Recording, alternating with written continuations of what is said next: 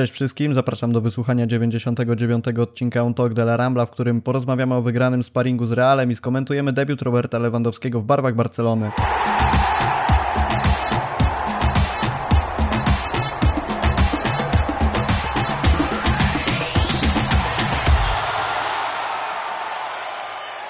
Pierwszy mecz pierwszego w historii Barcelony Polaka już za nami, debiut w meczu sparingowym z Realem, 45 rozegranych minut. Błażej Gwozdowski na mikrofonie, porozmawiamy sobie o tym, jak wyglądały te minuty w wykonaniu Polaka i generalnie czego spodziewaliśmy się i czy zawiedliśmy się, bądź czy nie zawiedliśmy się e, meczem, który był rozgrywany w ramach przygotowań do nadchodzącego sezonu. Siemanko Błażej. Cześć. Zaczniemy sobie od samego początku, czyli o tym, jak w ogóle ten mecz był promowany, bo wiemy, że dużym, takim szerokim echem odbił się w mediach e, zabieg marketingowy, jaki zrobiła Barcelona w związku z banerami promującymi ten mecz. Było na nich napisane: Nie martwcie się, skierowane oczywiście do Realu. To, co się dzieje w Las Vegas, zostaje w Las Vegas, atmosfera podkręcona, temperatura podniesiona, zwłaszcza wśród kibiców Realu. Co ty sądzisz o takim promowaniu tego klasyku? Czy nie była to czasem przesada względem tego, jaką stawkę tak naprawdę był rozgrywany mecz? No bo przypomnijmy, mówimy cały czas o, o sparingu, o jakimś meczu towarzyskim, który ma tylko Barcelonę i Real przygotować do zmagań w trakcie nadchodzącego sezonu.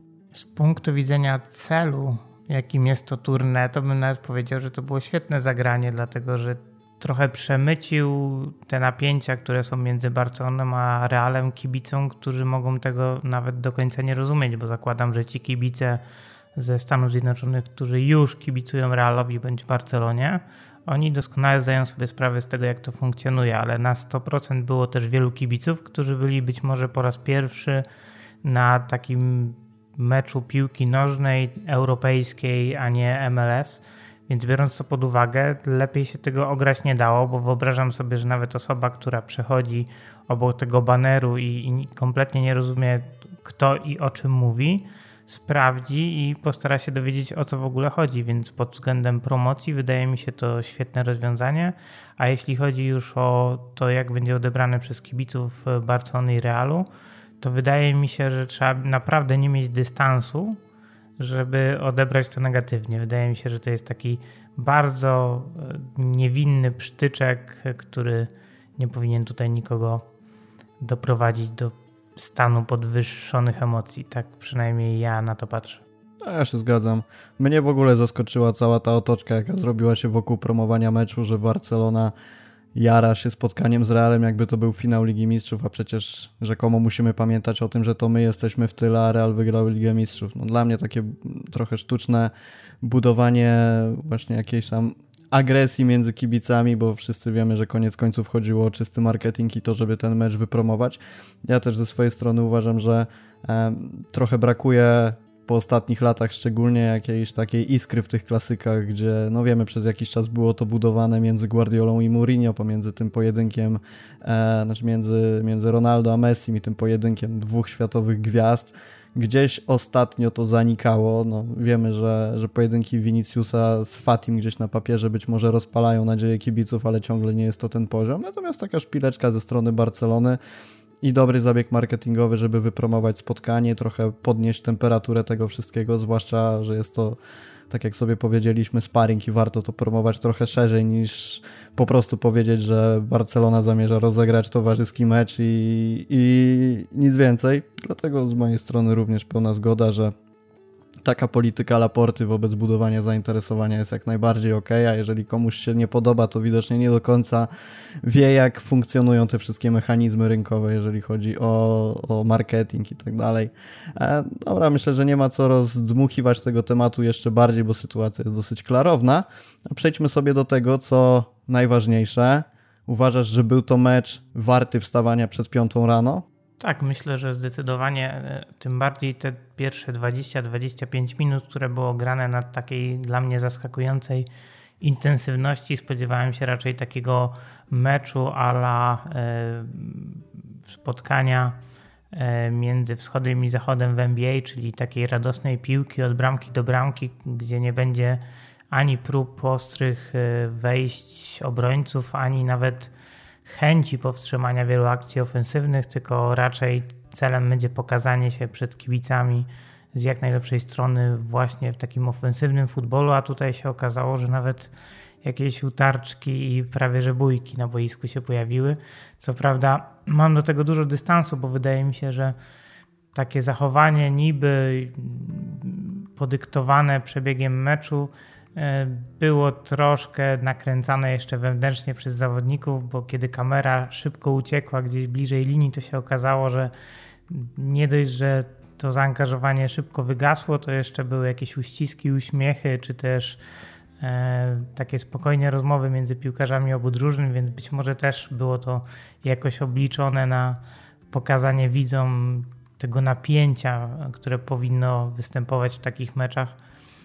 E, I te 20-25 minut zwłaszcza mi się bardzo podobało. Nie wiem, co ty myślisz na temat e, jakości samego futbolu, ale myślę, że jeśli chodzi o intensywność, to się ze mną zgodzisz, że była ona dużo wyższa niż to zwykle oglądamy w meczach przedsezonowych. Zdecydowanie i zwłaszcza jeżeli chodzi, ty mówisz o pierwszych 20-25 minutach, ja bym podciągnął to pod całą pierwszą połowę, bo rzeczywiście zaangażowanie ze strony zawodników było naprawdę na wysokim poziomie. Ja jestem zaskoczony tym, że Barcelona aż tak dobrze wyglądała na tle Realu, jeżeli chodzi o przygotowanie. No też musimy pamiętać o tym, że to był pierwszy mecz Realu, jeżeli chodzi o te spotkania przedsezonowe. Barca ma za sobą już dwa, więc oczywiście jest to już na tym etapie rozmowa o w ogóle innym etapie, jeżeli chodzi o przygotowanie zawodników do spotkania, ale tak, spodziewałem się trochę innego meczu, meczu przede wszystkim mniej obfitego w emocje. Jeżeli chodzi o te utarczki między piłkarzami, to ja też miałem takie wrażenie przez chwilę, że to jest taki może nawet niepisany zapis, niepisany zapis w kontrakcie między drużynami, żeby nieco podgrzać atmosferę, bo no, robi wrażenie takie coś. Jest to gdzieś tam okładka tego wszystkiego, wizytówka El Clasico, że emocje są. Jeżeli, znowu wracając do tego, co powiedzieliśmy o banerach, jeżeli byłby to nudny jak flaki z olejem mecz, w którym nic by się nie działo, to być może nie byłaby to najlepsza promocja po prostu europejskiej piłki w jakże ważnym dla Barcelony czy Realu rynku, jakim jest rynek amerykański, a tak na pewno zrobiło to w pewien sposób show. Kibice zobaczyli, że nie jest to tylko kopanie piłki, ale też jakieś głębsze emocje i tak naprawdę no, nie było to nic takiego, co wykracza poza jakieś standardowe zachowania na boisku, bo nie oszukujmy się, nie wydarzyło się tam nic znowu takiego, żeby teraz rozpamiętywać to przez nie wiadomo ile tygodni, ale z drugiej strony jak na mecz sparingowy, no to nie wiem, czy niespotykana sytuacja, ale pewnie rzadziej spotykana niż w trakcie zwykłych spotkań ligowych, czy generalnie meczów o jakąś stawkę, więc na pewno fajny dodatek. Jak to odebrali kibice? No moim zdaniem trochę znowu za dużo szumu wokół tego wszystkiego się zrobiło, a, a gdzieś tam być może zostanie to fajnie sprzedane potem w mediach i ten rynek amerykański dostrzeże, że piłka może być też ciekawa, gdzieś się zainteresują tym, także dla mnie bardzo spoko. Debiut Roberta Lewandowskiego, być może nie tak udany jak debiut Halanda, który po 12 minutach zdobył już gola z Bayernem. Co prawda Haland y, oczywiście forma, tendencja spadkowa, bo debiutując w Borussii Dortmund po 12 minutach, to on miał już hat-tricka, tutaj dopiero jeden gol po 12 minutach, także widzimy, że niestety forma, forma Norwega spada na łeb na szyję. A tak całkiem, całkiem serio mówiąc, mm, jak ty widzisz ten debiut lewego w Barcelonie. Pokazał coś ciekawego, czy raczej jest jeszcze za wcześnie, żeby wyciągać wnioski? Krótko trenował z zespołem, więc też nie oczekiwałem za dużo. Były sytuacje, w których nie, nie oddawał piłki odpowiednio szybko, co spowalniało akcję. Wiadomo, że to, to w Barcelonie na dłuższą metę nie może mieć miejsca, bo, bo taki, taki napastnik szybko by usiadł na ławce, więc zakładam, że to się jak możliwie szybko zmieni. Natomiast y, o ile po pierwszej połowie to miałem takie mieszane uczucia, z jednej strony rozumiałem, że nie miał prawa zagrać jakiegoś wybitnego meczu, mając raptem dwa chyba treningi takie pełne z zespołem, a z drugiej strony też tak doświadczony napastnik raczej powinien tą piłkę z pierwszej piłki częściej, częściej oddawać partnerom, zwłaszcza mając dobrze ustawionych pomocników w środku pola. Ale potem przyszła ta druga połowa i ona zmieniła troszkę moją opinię na ten temat, dlatego że w porównaniu z Obama Youngiem moim zdaniem Robert zagrał dużo lepsze spotkanie, był częściej pod grom, więcej potrafił zrobić bez piłki, pomagając e, kolegom z drużyny i wydaje mi się, że był też troszkę bliżej bramki, więc jeżeli porównywać dwie dziewiątki, które dzisiaj zagrały, to moim zdaniem Lewandowski zagrał od Obama Younga lepiej.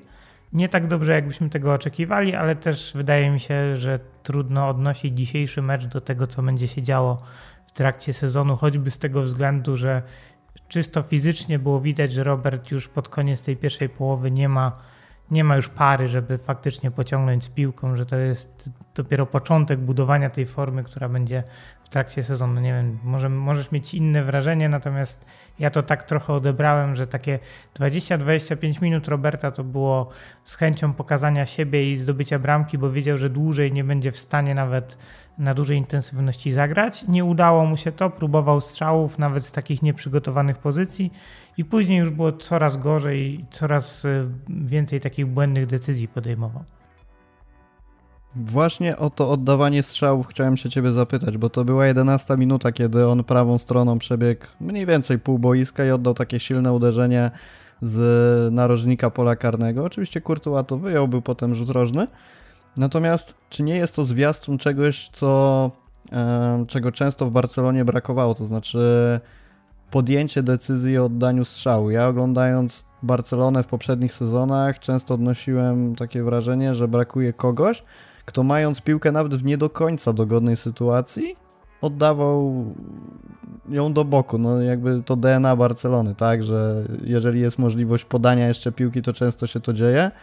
I czy właśnie sprowadzenie lewego nie będzie lekarstwem na to i czy nie będzie to szansa na zdobywanie większej liczby goli właśnie z takich nieoczywistych sytuacji? Inaczej jeśli chodzi o napastników, to według mnie w Barcelonie środkowych napastników to tego problemu nie widziałem, bo i Young, i Suarez wcześniej, i Samuel Eto, Ibrahimowicz, oni wszyscy raczej mieli taką tendencję do uderzania, kiedy była do tego okazja. Problem jest i myślę wciąż będzie z pomocnikami, dlatego że nawet w tym meczu była taka jedna sytuacja, w której aż się prosiło, żeby Pedri oddał strzał, a mimo wszystko szukał jeszcze partnera w polu karnym, więc tu nie jestem jakoś szczególnie zaskoczony y, i nie widzę tutaj jakiejś potężnej zmiany w grze Barcelony y, po sprowadzeniu Roberta Lewandowskiego. Nie spodziewam się, że tu będzie jakaś wielka zmiana w grze. Natomiast czym innym jest zachowanie przed przyjęciem piłki, bo y, bezpośrednio tą sytuację, którą opisałeś, poprzedziło zastawienie się odpowiednie które już dawało Robertowi przewagę w dalszej części akcji, więc takie, taka gra bez piłki, tego w Barcelonie nie widziałem chyba nigdy. Nawet Luis Suarez, który gdzieś tam lubiał się, lubił się przepychać, nigdy nie, nie wykazywał aż takiej umiejętności przestawienia obrońcy po to, żeby zyskać przewagę w dalszej części akcji, więc to mi się bardzo podobało i to nawet z bardzo silnymi fizycznie stoperami, których ma Real Madryt, bo nie, nie da się ukryć, że i Ridiger e, i, i, i też Alaba to są akurat silni fizycznie obrońcy. Wcale w La Lidze tak wielu takich obrońców nie, nie oglądamy, więc nawet z nimi rywalizując, Lewandowski wyglądał bardzo dobrze i to na tym wstępnym etapie przygotowań do sezonu, bo akurat Robert Lewandowski przewagi nad piłkarzami Realu, jeśli chodzi o przygotowanie fizyczne, nie, nie miał na pewno żadnej. Była jeszcze 30 minuta, taka chyba najbardziej klarowna, jeżeli chodzi o szanse, w których lewy mógł zdobyć bramkę. Rafinha wrzucał mniej więcej na 10 metr, taka płaska piłka po ziemi i nie wiem czy tobie też, ale mnie to przypomniało bramkę lewego z Portugalią na Euro w 2016. No to, to Euro, to ten mecz po którym miały być powtarzane rzuty karne, a konkretnie mhm. ten Błaszczykowskiego, ale rzeczywiście bardzo podobna sytuacja. Miałem nadzieję, że jednak piłka wpadnie. No, gdzieś tam, gdzieś tam droga do bramki została zablokowana. Chciałem się Ciebie zapytać o taką rzecz, która mnie się rzuciła w oczy i trochę nawiązując do tego, co powiedziałeś o Youngu, że lewy mimo wszystko był bardziej aktywny i stwarzał sobie, czy też no, pokazywał się dużo częściej do gry. Jak widzisz lewego schodzącego do skrzydła? Bo mnie się rzuciło w oczy, że nie tylko w tej sytuacji, kiedy rozpoczął rajd gdzieś od połowy, ale też kilku innych. Rzeczywiście próbował gdzieś tam przy tej linii bocznej pokazywać się do grania. Była jedna sytuacja, w której wywalczył rzut wolny gdzieś przy linii bocznej na prawej stronie. Czasami zdarzało mu się, że wchodził e, w gierki na małej przestrzeni z Fatim.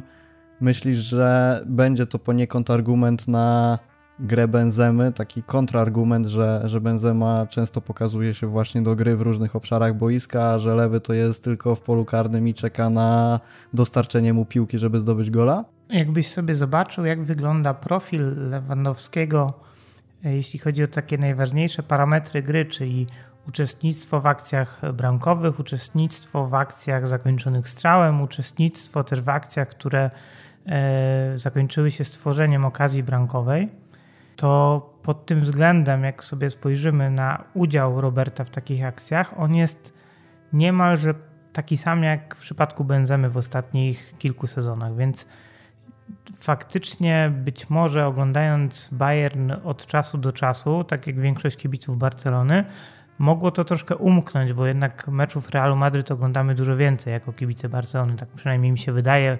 Powiedzmy, że postawię taką tezę, może ktoś z nią polemizować. Natomiast e, jeżeli spojrzymy czysto na statystyki, to Robert ten udział w grze zespołu zawsze miał duży. On spadł u Nagelsmana, dlatego że on preferował troszkę inną grę, w której skrzydłowi mieli dużo większy udział w rozgrywaniu piłki wraz z pomocnikami, co troszkę sprawiało, że napastnik był momentami poza grą albo grał dużo dalej od bramki. Natomiast wydaje mi się, że akurat Robert ma taką potrzebę nawet uczestniczenia w tych akcjach.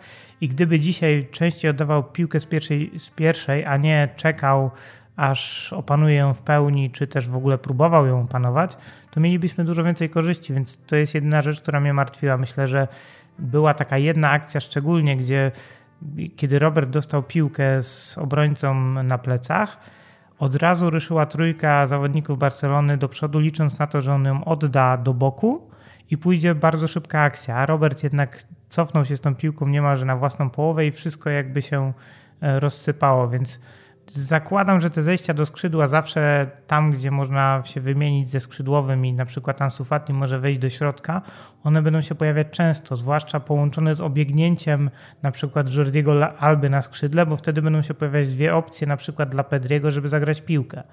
I nawet dzisiaj były takie sytuacje, gdzie można było to w ten sposób rozegrać, czyli zwrócić piłkę do Pedriego, Fati mógł wejść na dziewiątkę, Robert e, ustawić się blisko pola karnego i obserwować akcję, a Jordi Alba e, obiegnąć e, sobie na spokojnie bocznego obrońcę Realu i wejść w pole karne i wtedy mamy wiele opcji do tego, żeby tą akcję rozegrać, więc takie zejścia myślę do boku Roberta to jest coś, co on w Bayernie robił często.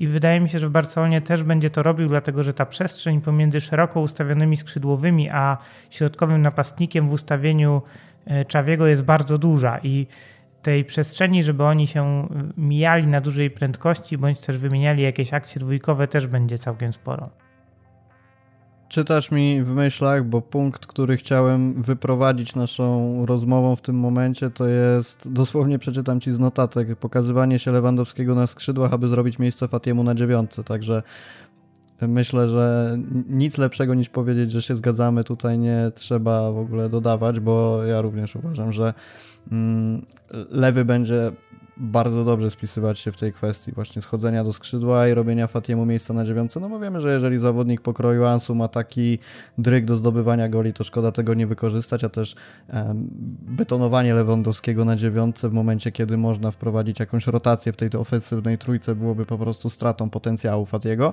Zobaczymy, jak to wszystko będzie oczywiście wyglądać zdrowotnie. Jeżeli chodzi o Fatiego, to zawsze tę gwiazdkę będziemy dodawać, no bo jednak ta liczba rozegranych meczów przez ostatnie dwa lata może nieco niepokoić, natomiast zgodnie z tym, co donoszą hiszpańskie media, już, już jest wszystko ok, nawet cytując, e, nigdy nie był w lepszej formie i nie ma mowy o powrocie kontuzji, także trzymamy za to kciuki.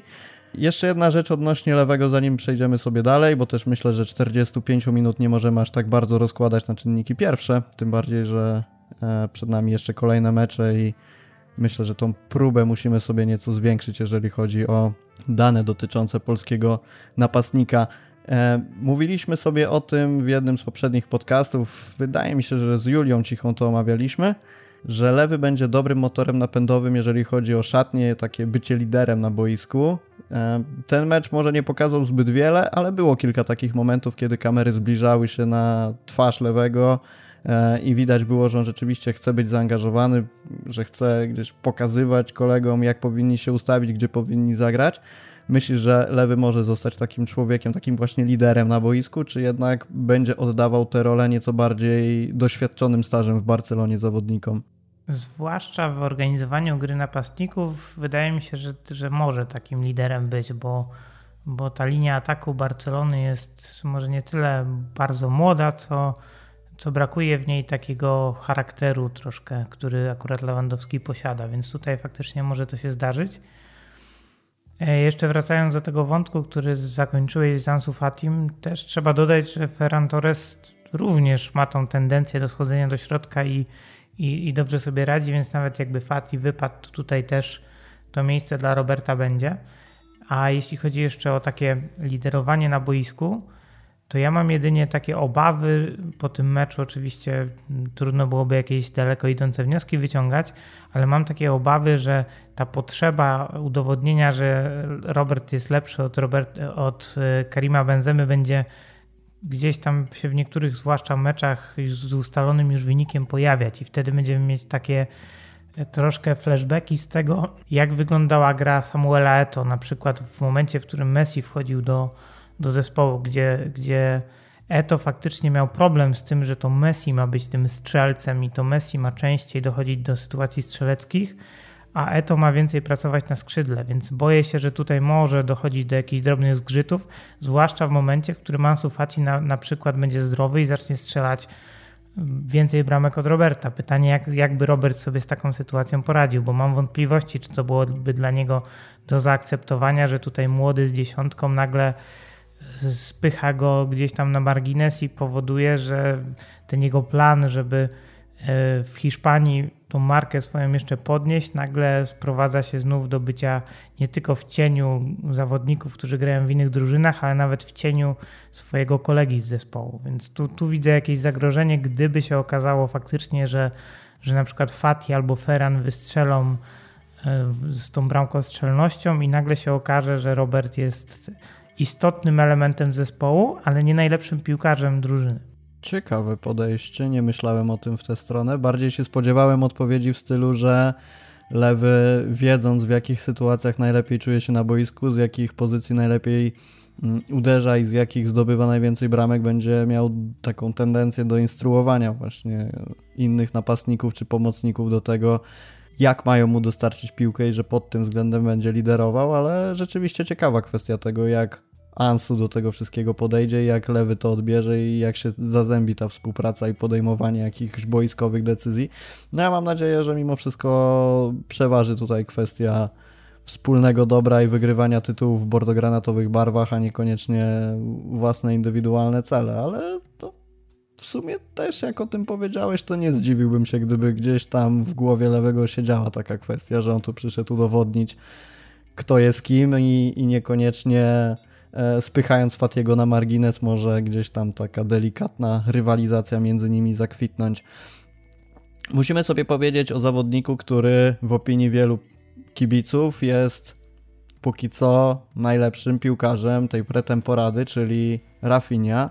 Ty też się z tym zgadzasz? Uważasz, że Brazylijczyk mimo wszystko, e, mimo tych plotek mówiących, że niekoniecznie sobie poradzi w Barcelonie, E, przechodząc z Leeds, teraz pokazuje, że ci wszyscy, którzy tak pisali, mylili się i Rafinha jest najjaśniejszą gwiazdą Barcelony?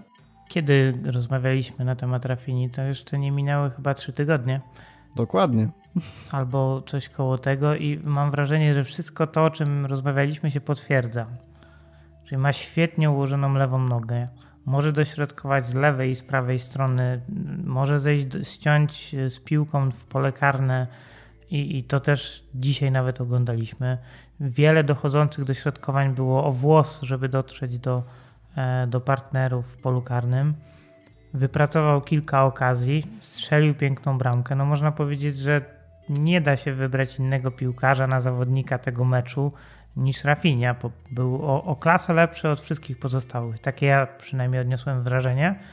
Podobał mi się też Ansu Fati, ale wracając do Brazylijczyka mam wrażenie, że Dużo więcej dojrzałości w jego grze było i dużo więcej gry zespołowej, której na skrzydle, zwłaszcza Barcelonie w ostatnim czasie brakowało i między innymi dlatego sprowadził Ferrana Torresa, myślę, Czawi, szukając takiego skrzydłowego, który będzie uczestniczył w grze w sposób taki bardziej roztropny, rozważny, szanując posiadanie piłki. I Rafinha pokazuje to samo, tylko częściej ryzykuje bardzo odważnymi podaniami, długimi dośrodkowaniami, prostopadłymi piłkami i dzisiaj po prostu skradł cały ten show, będąc piłkarzem z, z Leeds, które walczyło o utrzymanie w Premier League, wszedł w klasyk i w zasadzie nie jesteśmy w stanie chyba znaleźć piłkarza, który by się e, dzisiaj zbliżył poziomem do, do Rafini. A nie masz takiego wrażenia, patrząc na jego grę i zestawiając ją z tym, co pokazuje Dembele, że nawet jeżeli oni zagrają, jeden i drugi zagra bardzo dobre spotkanie, to mimo wszystko w grze Rafie nie widać taką dużo większą pewność, że te jego zagrania niosą ze sobą jakieś e, konkrety. To znaczy Dembele jak mm, jest na boisku i ma coś zrobić, czy to podjąć jakąś próbę driblingu, czy wrzutki i tak dalej, czy oddać strzał, to to wszystko jest takie a może wpadnie w okienko, a może wyleci na parking ta piłka. Jeżeli wrzuca, to może dotrze piłka do Yanga lewego czy kogokolwiek, a może machnie się i kopnie gdzieś nie wiadomo gdzie na aut.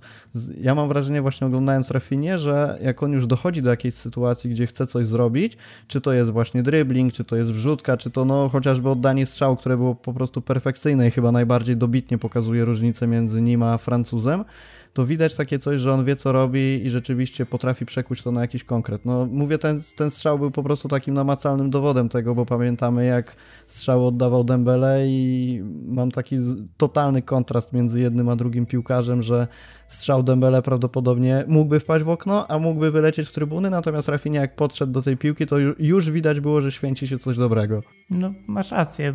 Generalnie Rafinha jest piłkarzem, który jest typem podającego zawodnika. I podający zawodnik zawsze ma trochę lepiej ułożoną stopę i u, u Brazylijczyka to widać bardzo, bardzo dobrze, że on jak zagrywa piłkę lewą nogą, to szansa, że to będzie jakieś przeciągnięte podanie albo niedokładne jest bardzo niewielka.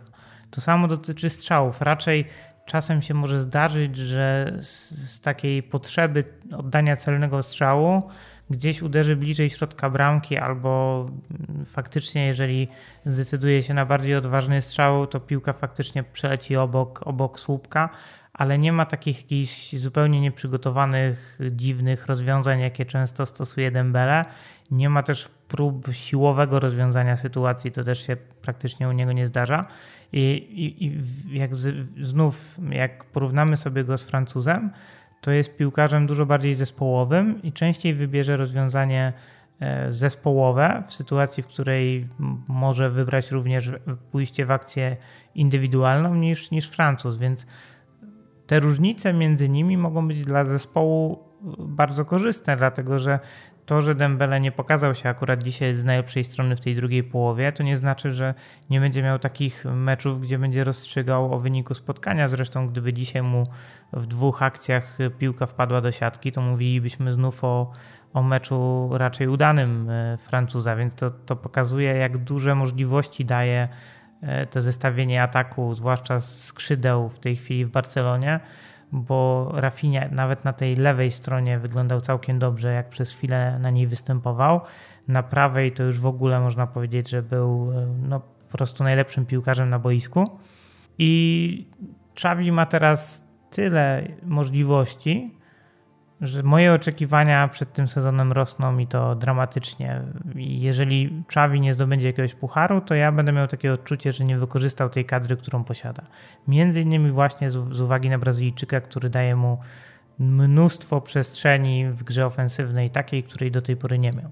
A nie uważasz, że w tym momencie mimo wszystko to będzie trochę pompowanie balonika, bo patrzymy cały czas na mecze przedsezonowe, a tu już pojawiają się jakieś głosy o tym, że mielibyśmy zdobywać puchary i w innym wypadku będzie to rozczarowujący sezon. Może trochę za wcześnie, żeby tak mówić. No niby, niby, niby masz rację, a z drugiej strony, jeżeli klub y, tutaj rozbija bank, można powiedzieć, i takie potężne inwestycje y, robi, żeby ten skład był wyrównany, żeby na każdej pozycji był co, było co najmniej dwóch zawodników. Jeżeli Czawi sam mówi, że taki był cel i żeby było przynajmniej dwóch zawodników na każdą pozycję, no to oczywiście są, trzeba mieć jakieś poprawki, brać poprawkę na to, że jak będą urazy i pojawi się jakiś poważny problem w zespole e, z, faktycznie ze skompletowaniem kadry na mecz, no to Barcelona może tych, tych na przykład trzech pucharów nie zdobyć, tak? jakie można powiedzieć, są w grze te najważniejsze.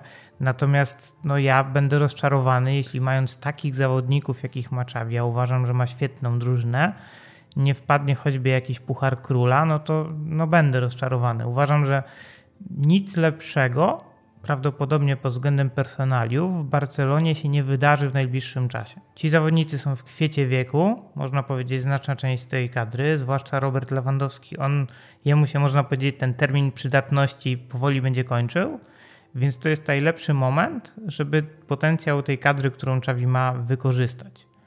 Nie widzę tutaj żadnych powodów, żeby dawać Czawiemu jakąkolwiek taryfę ulgową. Zastanawiam mnie, jaką opinię na ten temat mają nasi słuchacze, więc możecie teraz napisać w komentarzach, co dla Was byłoby sukcesem w tym sezonie, tym nadchodzącym, na który my sobie już zacieramy ręce. Natomiast my się w tej chwili przeniesiemy do linii defensywnej. Jak w dotychczasowych spotkaniach podoba Ci się Christensen? Bo wiemy, że tak naprawdę jeżeli chodzi o tę podstawową rolę stopera, to będzie ją pełnić Araujo. Oczywiście znowu gwiazdka, jeżeli będzie zdrowy i tak dalej. Natomiast ta mm, walka o pozycję drugiego stopera cały czas się toczy. Mówi się o Pique, mówi się o Eriku Garcia. Christensen gdzieś był momentami przesuwany raczej do roli rezerwowego, ale zebrał bardzo dobre noty, jeżeli chodzi o ten mecz z Realem, więc zastanawiam się, czy podzielasz te głosy mówiące, że, on, że to on powinien być tym drugim stoperem razem z Araujo. A nie, a nie przyszło ci przez myśl, że to zestawienie obrony, które dzisiaj oglądaliśmy, to będzie dość często ogrywane w meczach o stawkę? Takich ważnych, gdzie trzeba to skrzydło zabezpieczyć, na przykład w meczach z Realem Madryt, bo mi tak od razu sobie, sobie od razu pomyślałem, jak zobaczyłem ten skład, że no tak, gdyby, gdyby dzisiaj ktoś mi kazał wytypować jedenastkę, która zagra z Realem Madryt, to jeśli chodzi o zestawienie defensywy, defensywy to bym się może zastanawiał nad tym, czy za Erika Garcia nie powinien zagrać e, Gerard Piqué, gdyby był zdrowy Natomiast jeśli chodzi o możliwości obecne kadrowe, to na Real Madryt wystawiłbym chyba najprawdopodobniej dokładnie tą samą czwórkę, jaka zagrała dzisiaj w Las Vegas. Tym bardziej, że Araujo pokazał, że na prawym skrzydle potrafi być szybkim zawodnikiem. Co prawda ta wrzutka nie zakończyła się celnym podaniem, ale no to jak obieg bodajże Ridigera, no coś, coś fantastycznego. Wiesz co, zastanawiam się nad tym, bo ja mimo wszystko lubię ten model obrony z bardzo szybkimi, dynamicznymi Dani Alveszowymi skrzydłami, Natomiast y, rzeczywiście też pamiętam klasyk, tak mi się wydaje, nie pamiętam teraz y, dokładnie, czy to był akurat mecz z Realem, ale pamiętam taki mecz, kiedy e, bodajże tak, to by się zgadzało, bo na Viniciusa zagrał wówczas Araujo i rzeczywiście sprawdziło się to całkiem nieźle, także no być może jest to jakiś pomysł. Z drugiej strony pytanie, czy jeżeli chodzi o wyprowadzanie akcji, to być może Christensen i Garcia byliby dobrym rozwiązaniem, ale z drugiej strony odwróćmy sytuację, kiedy atakuje przeciwnik i czy taki duet nie stanowi zbyt dużego zagrożenia, jeżeli chodzi o bronienie, bo Araujo nie zawsze do wszystkiego zdąży z tego skrzydła ewentualnie się cofnąć i zasekurować, a wiemy, że Erik różne dziwne sytuacje prokurował, miał dobre mecze, ale miał też mnóstwo wpadek, a Christensen też jest raczej określany jako ten, któremu te wpadki się zdarzają i przeplata dobre mecze ze słabymi. Więc zastanawiam się, czy to aby na pewno byłoby dobre rozwiązanie, jeżeli chodzi o Real, bo być może skrzydło byłoby zabezpieczone w postaci Araujo, ale znowu czy nie zrobiłaby się jakaś autostrada środkiem pola. No oczywiście, no jest ryzyko, bo zarówno Christensen, jak i Garcia to są obrońcy, którzy te błędy indywidualne potrafią popełniać i, i to się im zdarza. To, to, to, nie ma co ukrywać, że, że tak nie jest, bo, bo fakty temu przeczą. Natomiast y, przy obecnej kadrze po prostu i tak uznałbym tą czwórkę za najlepsze rozwiązanie na taki mecz. Ale jeśli mnie pytasz, czy Christensen może zawitać na przykład do, do tej wyjściowej jedenastki na stałe w sezonie, to, to również będę się przychylał ku tezie, że jest to więcej niż prawdopodobne, szczególnie w parze właśnie z Ronaldem Araujo, z tego względu, że Christensen po raz kolejny już pokazał i to w meczu Barcelony mnie to szczególnie cieszy, że potrafi bardzo krótko kryć. A to w przypadku Barcelony często bywa jedyne rozwiązanie, jeśli nie ma się tego przyspieszenia, bo Christensen jest zawodnikiem szybkim. Jak on już się rozpędzi, to mówimy tu o piłkarzu, który osiąga tam w okolicach 35 km na godzinę, więc jest szybkim obrońcą. To nie ma żadnych wątpliwości, że jest. Natomiast on, podobnie jak Pique, potrzebuje trochę metrów, zanim się rozpędzi i taki e, dobry napastnik z, z bardzo dobrym przyspieszeniem po prostu już zdąży sobie wypracować tą przewagę, której już nie odda. Więc pod tym względem zarówno Garcia, jak i Christensen są piłkarzami, którzy potencjalnie przy błędnym ustawieniu albo niedokładnym podaniu piłki są trochę na, na, na, na straconej pozycji, nie nadrobią już po prostu tego, tej przewagi, którą zyska przeciwnik. Więc pod tym względem są obawy. Natomiast w parze z Ronaldem wydaje mi się, że tu jest ta równowaga całkiem zachowana, zwłaszcza jeżeli faktycznie się potwierdzą doniesienia, że Kunde przyjdzie do do Barcelony, to wtedy opcją na zabezpieczenie prawego skrzydła może być wystawienie Kunde, bądź też pozostawienie na, na prawej obronie Ronalda Araujo i ustawienie Kunde jako stopera, bo, bo to jest zdecydowanie bardziej dynamiczny zawodnik.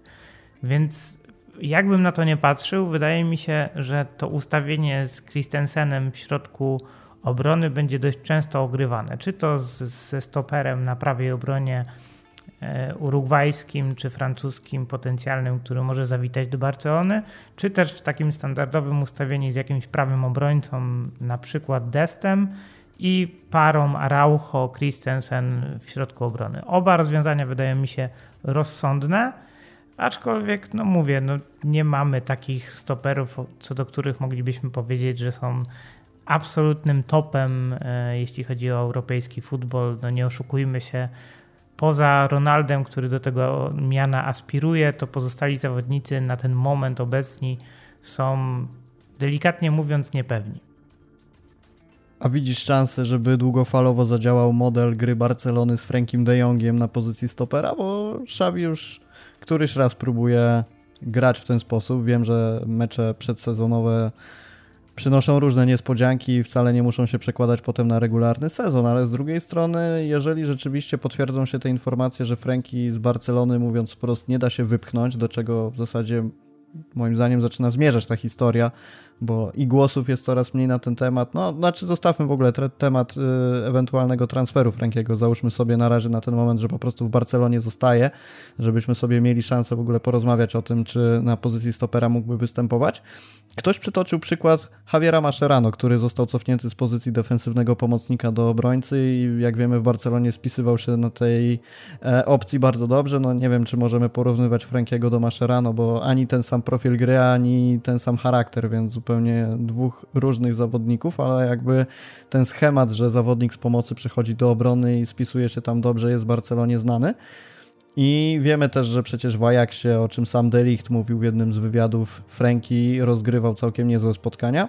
I teraz tak, z jednej strony mamy sytuację w meczu sparingowym z Realem, kiedy w pomocy Xavi decyduje się wystawić Sergiego Roberto, co dla mnie jest już w ogóle absurdem, no ale gdzieś to generuje takie e, taki moment zastanowienia, czy rzeczywiście gdyby Franki pozostał w dumie Katalonii, to czy nie byłoby warto mimo wszystko testowania go na tej pozycji obrońcy, żeby nieco odciąć się być może też od takiego schematu typowego stopera w stylu właśnie Araujo, tylko mieć tam człowieka, który e, gwarantuje jakąś tam powiedzmy jakość w obronie, ale jeżeli chodzi o wyprowadzenie piłki byłby na pewno od Araujo lepszy. No, ciekawi mnie, co myślisz na ten temat. Rozmawiamy sobie oczywiście czysto hipotetycznie, ale być może jakieś fajne wnioski padną. Tak, myślę, że jest to prawdopodobne, tym bardziej e, po słowach Czawiego na temat e, Piqué, bo, bo już pewnie czytałeś, że one były dość zimne i określiły jasno sytuację, że nazwiska nie grają w odniesieniu do, do piłkarza, który dzisiaj nie zagrał nawet pełnych 45 minut, więc to troszkę pokazuje, e, to troszkę pokazuje, podejście Czawiego, bo takiego piłkarza, który ma problemy gdzieś tam e, rodzinne, który, który też dochodzi do zdrowia po ciężkich urazach, który przez większość e, zeszłego sezonu mimo urazów próbował wspierać drużynę, to wydawałoby się, że takiemu piłkarzowi trzeba wyciągnąć e, pomocną dłoń i pomóc wrócić na właściwy poziom. A tu Czawi dość oschle mówi, że nazwiska nie grają, będą grać ci, którzy na to sobie zasłużą, co może sugerować, że Pique w najbliższym sezonie albo już go nie będzie w Barcelonie, albo będzie grał bardzo, bardzo mało, a wtedy przy założeniu, że to rozwiązanie ze stoperem, szybkim stoperem na prawej obronie e, będzie stosowane regularnie, nie mówię, że co mecz, ale relatywnie często, no to pojawia się tak naprawdę, pojawiają się trzy wakaty na pozycję, na pozycję stopera do obsadzenia I wtedy przy założeniu nawet, że Kunde przyjdzie do Barcelony, mamy Christensena, Erika Garcia, Araujo, Kunde i dodatkowo e, w odwodzie Piqué, ale już na trzy pozycje. I wtedy to już wygląda troszkę inaczej. Wtedy faktycznie można uznać, że tych szans na grę Franki miałby całkiem sporo. Pytanie, jak się Holender na coś takiego zapatruje, bo zakładam, że do Barcelony przychodził, żeby kreować grę, a nie żeby zabezpieczać e, sytuację od tyłu, czy też rozpoczynać akcje jakimiś takimi odważnymi wejściami z linii obrony, jak to robił w Ajaxie przecież przez znaczną część swojego pobytu w Holandii.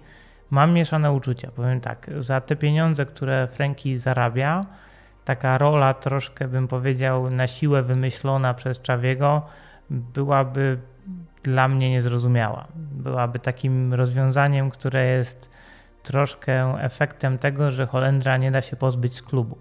Natomiast czy to może dać coś dobrego dla klubu? Myślę, że tak, bo tak jak dzisiaj widzieliśmy i tak jak oglądaliśmy jeszcze za Ronalda Kumana, kiedy on próbował grać trójką obrońców i wtedy decydował się na to, żeby jednym z tych trzech stoperów był Franki, to wszystko wyglądało dobrze. Myślę, że za Ronalda Kumana to był nawet najlepszy okres Barcelony.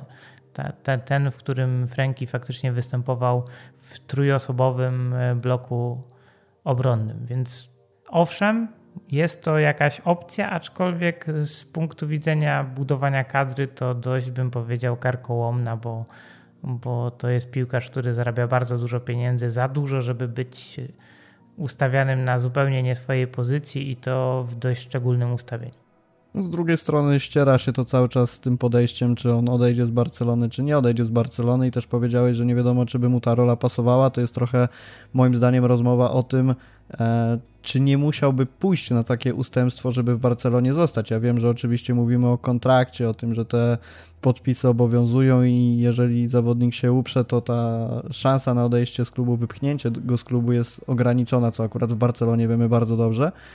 I czy właśnie to nie stwarza takiego pola manewru dla Barsy? Ok, zostajesz, ale w takim razie musisz pogodzić się z tym, że nie będziesz grał na swojej nominalnej pozycji, bo tam jest dużo innych zawodników, którzy według nas spiszą się lepiej od ciebie, więc mamy dla ciebie pozycję obrońcy i będziesz grał raz na jakiś czas. No, być może jest to jakieś rozwiązanie. Ja się na pewno zgadzam co do tego, że po pierwsze on zarabia za dużo tak ogólnie, a na pewno zarabiałby za dużo, będąc jakimś półrezerwowym, który wchodzi na, powiedzmy to może nieco grubymi słowami, ale na taką sztucznie wykreowaną dla niego pozycję, żeby tylko grał. Zobaczymy. Grał tak pewnie niecałą połowę, więc y, nie ma też co się za bardzo nad tym rozwodzić. Wiesz, czego ja się najbardziej obawiam? Żeby przypadkiem Czawi nie zrobił z Frankiem de Jongiem dokładnie tego samego, co zrobił Luis Enrique z Sergim Roberto. Czyli nie zrobił z niego takiego piłkarza, który gra na, na tej pozycji, na której jest akurat potrzebny. I wtedy byśmy mieli Frankiego, jak jest potrzeba zastąpić Ser, Sergio Busquetsa w środku pola, no to byśmy mieli Frankiego w środku pola na pozycji defensywnego pomocnika. Jak byłaby potrzeba, żeby zagrać w środku obrony, to mielibyśmy De Jonga na środku obrony. A gdyby była potrzeba, bo akurat są urazy Gaviego czy Pedriego, zagrać wyżej w pomocy, to mielibyśmy nawet Frankiego w pomocy lub też w ustawieniu z dwójką napastników zaraz za nimi jako można powiedzieć media punta, więc patrząc na to z tej perspektywy najbardziej obawiam się właśnie takiego, takiej próby zrobienia z Frankiego piłkarza, który wszędzie może zagrać dobrze, bo to się zwykle kończy taką powolną degradacją zawodnika, który nie rozwija się w szczególnych zadaniach, tylko we wszystkim jest przyzwoity. I o ile uważam, że Franki faktycznie jest piłkarzem, który praktycznie na każdej pozycji, łącznie z pozycją środkowego napastnika, spisałby się przyzwoicie. O tyle najlepszą pozycją dla niego jest jednak środek pola. I jeżeli w Barcelonie tego miejsca na środku pola nie ma, to dla każdej ze stron najlepiej by było po prostu, gdyby, gdyby Franki z Barcelony odszedł. No a jak się to nie wydarzy, no to wtedy mimo wszystko będę liczył na to, że Czawi po prostu da mu szansę w środku pola, bo mimo wszystko w tym zestawieniu pomocy, który ma Barcelona, wciąż mówimy o piłkarzu, który powinien sobie bez większych problemów wywalczyć miejsce, jeżeli nie w takiej niepodważalnej wyjściowej jedenastce, to przynajmniej e, regularną grę w, takim, w, e, w takich ważnych meczach powinien. To, to mi się wydaje, że powinien grać w takich meczach, bo Gavi jest jeszcze zbyt młodym piłkarzem, żeby na jego barki tutaj nakładać odpowiedzialność gry co mecz praktycznie w ważnych spotkaniach. To skoro już jesteśmy przy Gavim, to porozmawiajmy sobie o Gavim, bo Twitter wręcz kipi od różnych komentarzy. Wiadomo z czyjej strony, raczej naszego oponenta niż ze strony kibiców Barcelony. Ale rzeczywiście, kipi od komentarzy mówiących wręcz bardzo dosadnie, że najlepiej by było, gdyby Frankiemu ktoś te nogi połamał i udowodnił, gdzie jest jego miejsce w szeregu i tak dalej. Oczywiście to wszystko nawiązuje do agresji, jaką często Gavi prezentuje na boisku.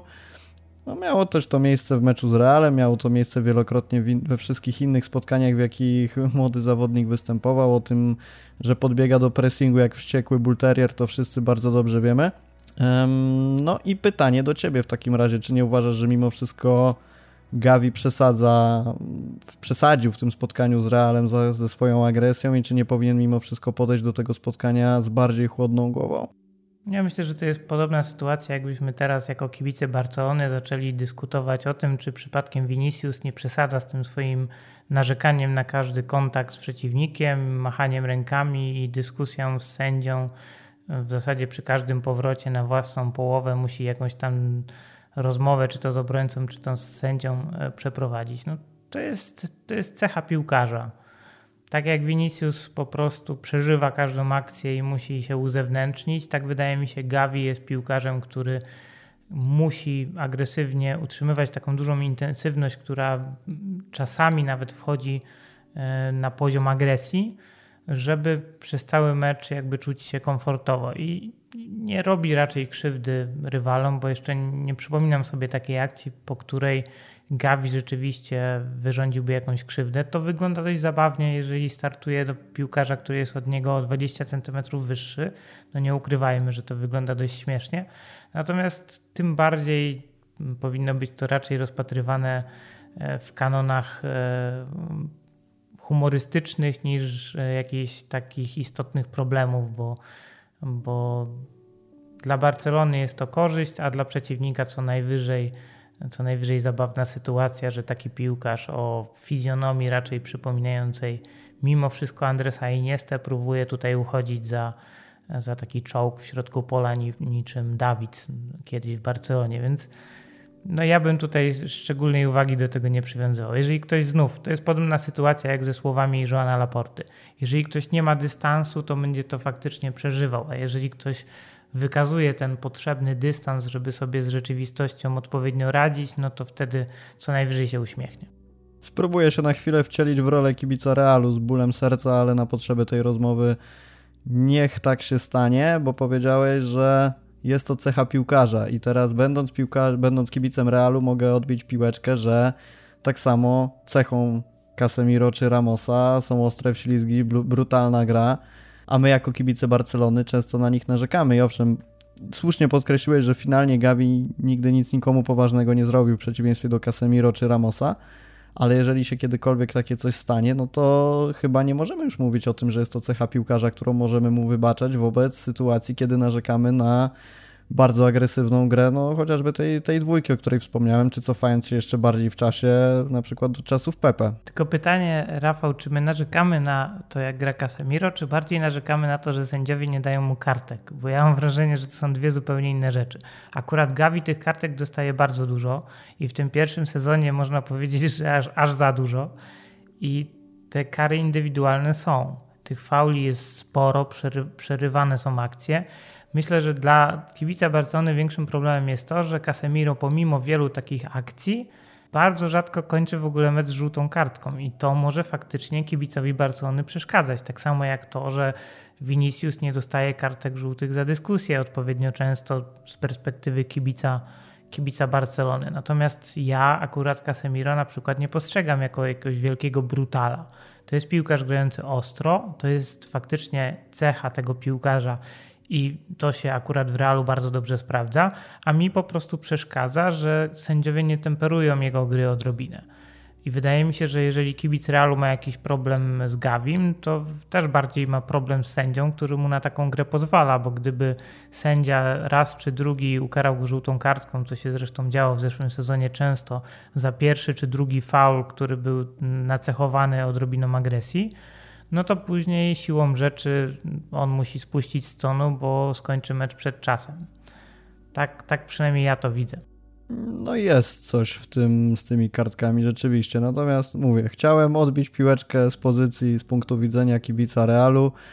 Wiesz co, Jesz jeszcze dodam ci tylko, że jeżeli jest jakiś piłkarz Barcelony, który rzeczywiście może kibicom Realu przeszkadzać, to prędzej będzie to Jordi Alba, bo on tych akcji takich, bym powiedział, no już uwłaczających yy, takiej temu, co on prezentuje sportowo na boisku, zaprezentował w przeciągu swojej kariery bardzo dużo, typu przewracanie się po jakimś niewielkim kontakcie, czy po uderzeniu piłką, udawanie, że go tam nie wiadomo jak bardzo boli. Takie rzeczy faktycznie mogą drażnić, bo to już jest zachowanie po prostu niesportowe e, i troszkę wprowadzanie w błąd arbitra celowe, którego no nawet myślę większość kibiców e, Barcelony ma problem, żeby je tolerować.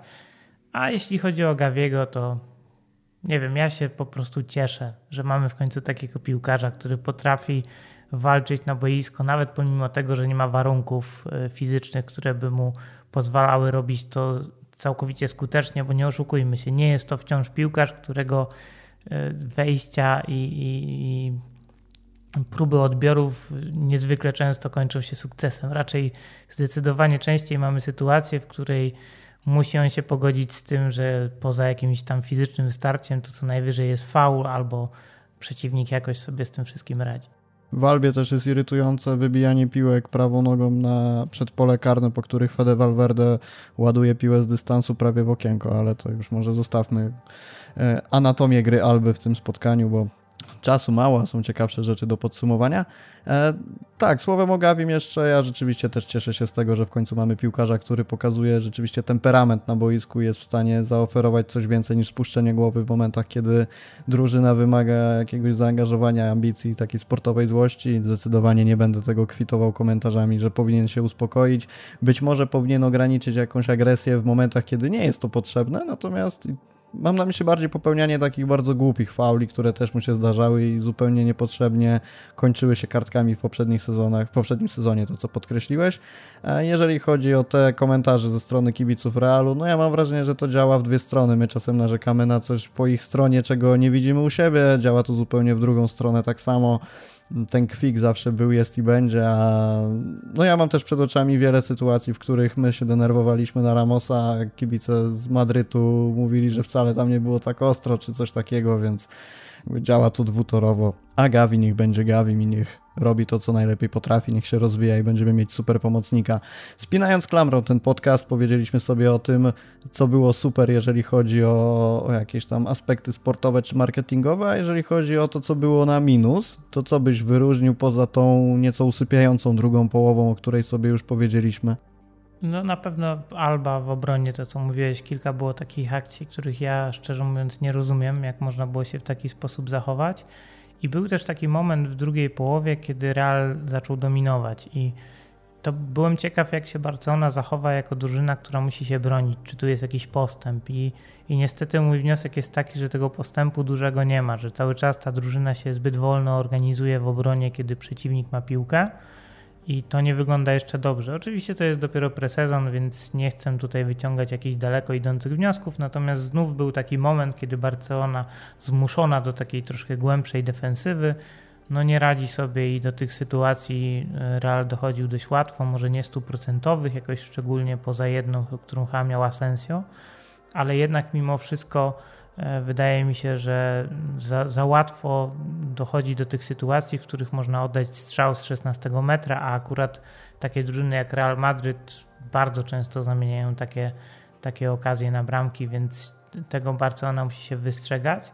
No i tak jak już rozmawialiśmy wcześniej, Dembele moim zdaniem troszkę, troszkę poza grą był dzisiaj. Pewnie miał okazję do zdobycia bramek, ale ja cały czas liczę, że on zrobi jeszcze taki mały, chociaż kroczek do przodu i po prostu zacznie strzelać bramki dużo częściej niż to robił w zeszłym sezonie. Więc to są chyba takie największe minusy, które ja do, dostrzegałem w tym meczu. E, natomiast z plusów, bo znów mm, to czuję się troszkę w obowiązku, żeby o tym wspomnieć, bo jeżeli tego nie zrobimy, to jestem przekonany, że to się odbije później nam czkawką i kibice wyciągną, jak to przy najbliższym błędzie, że jednak Erik się nie, nie nadaje do Barcelony. Mamy kolejny mecz, bardzo, bardzo dobry Erika Garcia moim zdaniem. I warto o tym przypominać, dlatego że to jest wciąż piłkarz, który się uczy i on te błędy będzie popełniał, więc trzeba to jakoś równoważyć pozytywami. Wydaje mi się, że po takim meczu zdecydowanie na pochwały zasłużył, bo i przy wyprowadzeniu piłki, i generalnie e, w obronie dzisiaj był naprawdę solidny. I trzymamy kciuki, żeby znowu, tak jak Gavi rozwijał się i stanowił konkurencję dla tych wszystkich stoperów, którzy do Barcelony przychodzą i udowodnił krytykom, że miejsce w Barcelonie dla niego jest. Ja bym dorzucił jeszcze jeden mały minus e, ze strony człowieka, który powinien już niedługo zwolnić lewemu dziewiątkę. E, oczywiście chodzi o Memphisa i chodzi o sytuację z 80 bodajże 8 minuty, kiedy znalazł się po lewej stronie bramki, dosyć blisko linii końcowej co prawda, ale miał piłkę na lewej nodze i szczerze mówiąc zastanawia mnie do teraz, dlaczego zamiast oddać nawet na ślepo taki mocny strzał gdzieś pod poprzeczkę i spróbować zdobyć bramkę, to on tak się zawahał, trochę się potknął. Ewentualnie zamiast oddawać strzał mógł wycofać piłkę do Sergiego Roberto, który w okolicy 11 metra był zupełnie niekryty i prawdopodobnie zamieniłby to na bramkę. E, w polu bramkowym był też Obama Young, mniej więcej w okolicy trzeciego metra też można było próbować wstrzelić tę piłkę, więc jak na to, że Memphis próbował powinien próbować udowodnić swoją wartość na tym etapie, to, to rzeczywiście nie wykorzystał jednej z niewielu prawdopodobnie okazji, żeby to zrobić, także trochę szkoda tego piłkarza, natomiast ja mam wrażenie, że to już jest kwestia czasu, też kiedy on z Barcelony odejdzie i to wcale nie tylko dlatego, że musi zwolnić numer lepszemu od siebie snajperowi, ale też, że po prostu w Barcelonie nigdy tak na dobrą sprawę się nie odnalazł, przy czym no, przeszkodziły mu i kontuzje, i zmiana trenera, i pewnie kilka innych rzeczy związanych z taktyką, ale... No właśnie, ale mówisz o Memphisie, ja tego Memphisa to troszkę pominąłem, bo dla mnie to jest piłkarz, który widać, że jest już poza klubem i to jest niestety aż bolesne, bo, bo, bo, faktycznie w tej grze już jest taka trochę apatia momentami, mimo że on motorycznie wygląda chyba nawet lepiej niż w zeszłym sezonie. Takie moje odczucia są, że on mimo, że mamy dopiero presezon, to on motorycznie wygląda dużo lepiej. No to jednak w tej grze widać, że on jest taki niezaangażowany na tyle, na ile powinien. Trochę więcej luzu ma, dzięki temu ta piękna bramka z Interem Miami, ale, ale widać, że tego zaangażowania jest mniej. No i zapomniałem jeszcze o jednym piłkarzu, który mnie znów zawiódł, ale to może nie tyle zawiódł, co, co znów, znów pokazał to samo, czyli że nie jest piłkarzem, który jest wystarczająco dobry do gry w Barcelonie, to jest Serginio Dest, bo mam wrażenie, że to już jest problem, kiedy na pierwszą połowę wychodzi na pozycji prawego obrońcy stoper i to stoper taki z gatunku e, może nie tyle nienowoczesnych, co zdecydowanych, twardych, silnych i, i raczej niezwinnych i prezentuje się lepiej w grze pozycyjnej na tej pozycji, czyli lepiej prezentuje się również z piłką przy nodze na połowie przeciwnika niż Amerykanin, no to to jest akurat bardzo e, zły omen dla, dla, dla Serginio, bo moim zdaniem nie widać postępów i to nie tyle w jakiejś tam rozwoju takim piłkarskim, bo tutaj to jest piłkarz, który posiada tak naprawdę wszystko. On potrafi grać jeden na jeden w defensywie, ma dobre dośrodkowanie, ma całkiem dobre podanie prostopadłe, jest szybki. Jedynym jego problemem, problemem jest to, że podejmuje złe decyzje. I te złe decyzje albo spóźnione decyzje to jest coś, co się nie zmieniło odkąd on przyszedł do Barcelony i stanowi potężny problem w grze na pozycji prawego obrońcy, bo gdyby Dest grał faktycznie gdzieś tam na skrzydle, to moglibyśmy powiedzieć, że takie błędy nie są dużym obciążeniem, ale przy grze na obronie jest to naprawdę duży problem i strasznie mi to kontrastowało, bo ja liczyłem na to, że po zmianie zobaczymy troszkę bardziej ofensywną grę na prawym skrzydle, bo Dembele i Dest to aż się prosi, żeby troszkę więcej tej gry na prawym skrzydle było, a tu takie jedno wielkie nic mam wrażenie. To słowem podsumowania podcastu, jak oceniasz Barcelonę podczas tego turnieju? Jesteś zadowolony, czy 2 na 10. Nie wyciągam tutaj na tyle istotnych wniosków, żeby nawet jakąś ocenę wystawić, bo ten mecz z Interem Miami to była różnica klas.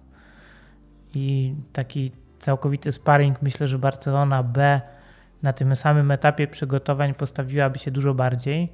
Mecz z Realem to znów mecz drużyn, które były przygotowane na gry 2 razy 15 minut, a nie 2 razy 45 minut, więc znów tych wniosków za dużo wyciągać nie można. Natomiast czysto jeśli chodzi o jakość piłkarską, wydaje mi się, że każdy z zawodników, który trafił do Barcelony, już teraz pokazał, że dorasta do tego klubu. Więc to jest duży plus. Mówię tutaj o czystą klasę sportową, czyli technika użytkowa, rozumienie gry, wejście, odnalezienie się w, w, konkretnej sytuacji na boisku, czy to w ataku pozycyjnym, czy w obronie, czy w wysokim pressingu.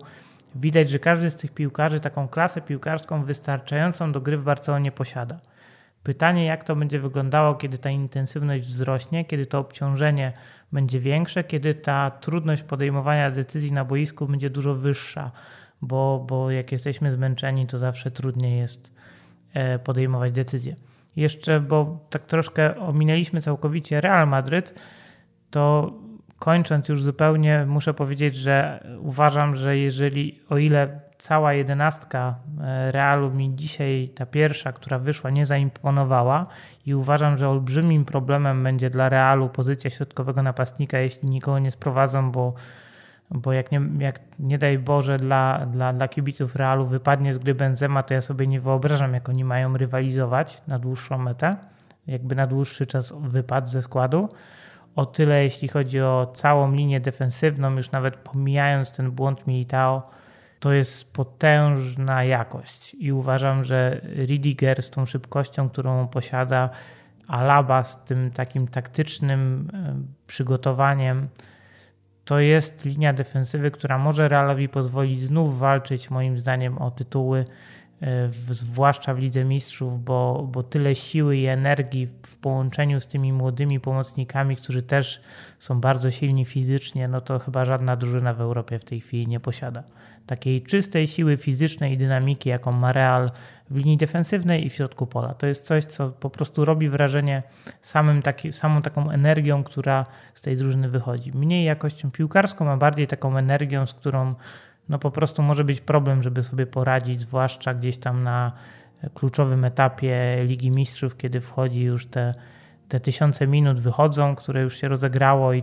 i już coraz trudniej sobie radzić z takim silnym fizycznie przeciwnikiem to, to mnie troszkę martwi jako kibica Barcelony, że znów możemy mieć trochę powtórkę z rozrywki, czyli Barcelona gra ładnie, Barcelona faktycznie stwarza okazję, a potem w Lidze Mistrzów Real swoją dość prostą piłką, ale dużą siłą fizyczną dochodzi do finału, a ten finał jak to zwykle Real wygrywa.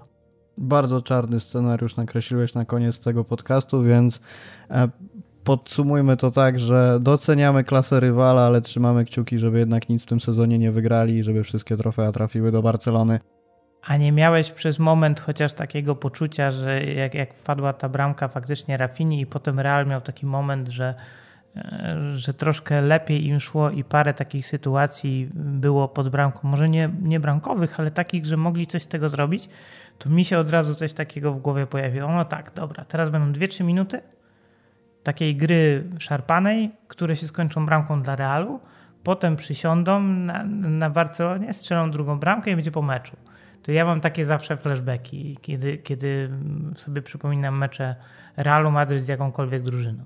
Było coś takiego, było. Kiedy pozwoli im się po prostu przez 10-15 minut zagrać swoje, to oni z tych 10-15 minut potrafią wycisnąć dużo więcej niż wiele drużyn przez nawet 180 minut dwumeczu. Więc to jest coś, co ta drużyna po prostu ma i wydaje mi się, że po tych transferach nie będzie gorzej. Natomiast zastanawiam się, co by było, gdyby faktycznie para Vinicius i Benzema albo spuściła stonu, albo rzeczywiście pojawiły się jakieś urazy na dłużej, no to wtedy tej jakości z przodu rzeczywiście będzie brakowało.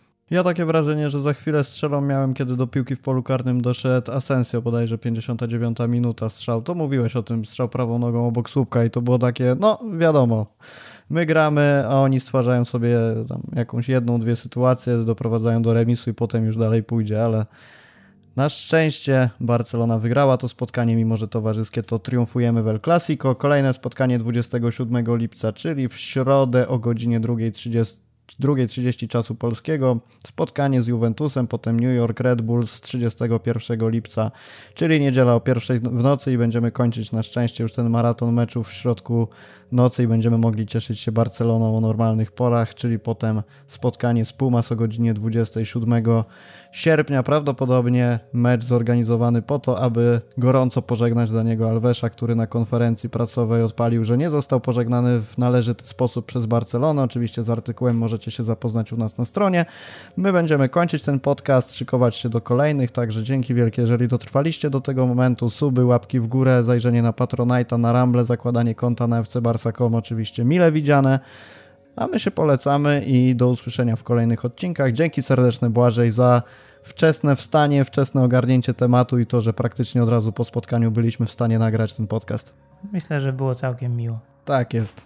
Do usłyszenia. Na razie.